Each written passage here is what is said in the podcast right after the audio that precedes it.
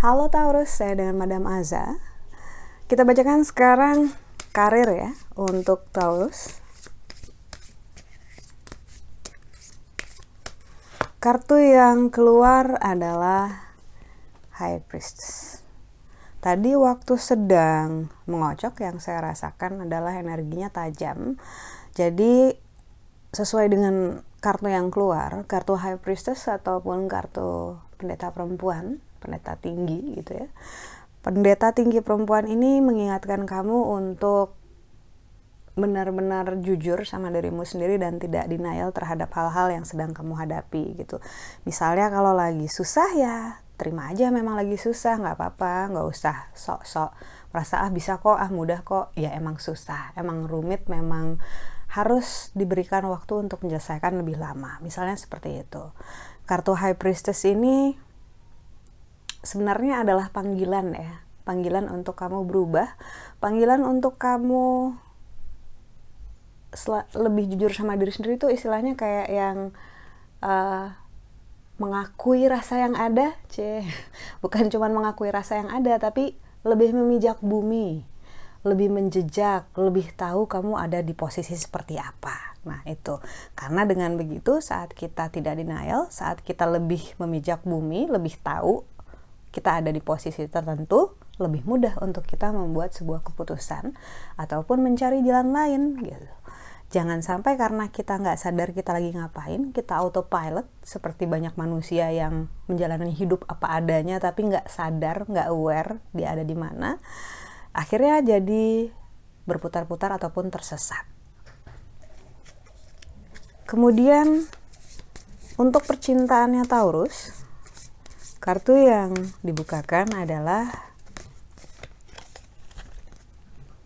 kartu Judgment kartu judgment ini menunjukkan bahwa nggak selamanya judgment yang kamu miliki itu benar. Berasumsi biasanya hanya menjebak diri sendiri. Karena itu, apa pun itu berhati-hatilah dengan prasangka buruk diri sendiri, asumsi diri sendiri bisa jadi sudut pandang kita yang salah, bukan orang lain ataupun pasangan yang salah, bukan situasi yang salah, tapi kita ngelihatnya dari sudut yang berbeda. Sudah tahu kan tentang gajah? Bahwa kalau misalnya kita cuma ngelihat buntutnya aja, sebagian aja kita akan lihat gajah itu, kita akan bilang gajah itu kecil, kurus, panjang gitu. Padahal kalau misalnya kita lihat kupingnya, ada yang bakal bilang gajah itu datar dan lebar. So, it's about perspective. Hati-hati jangan terlalu cepat mengambil kesimpulan kalau belum ada kepastian. Kartu nasihat yang diberikan untuk Taurus, kartu yang keluar adalah The Devil.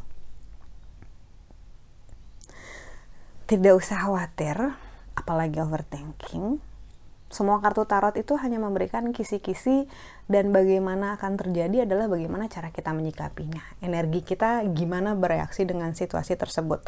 So, nggak ada yang menakutkan, nggak ada yang mengkhawatirkan sama sekali. Kartu nasihat yang diberikan oleh kamu, kartu The Devil adalah lebih kayak energi kamu, sorry, energi kamu nggak stabil. Dalam hal masih ada kebutuhan untuk ego ego merasa diakui, ego ngerasa penting, ego merasa berharga, ego ngerasa dipentingkan gitu. Oh, nggak apa-apa. Menurut saya pribadi, ego itu bukan satu hal yang buruk. Kalau misalnya ego satu hal yang buruk, Tuhan tidak akan memberikan kita ego. Ego itu membantu kita untuk bisa mencapai tujuan ataupun posisi yang lebih baik gitu ya. Ada rasa.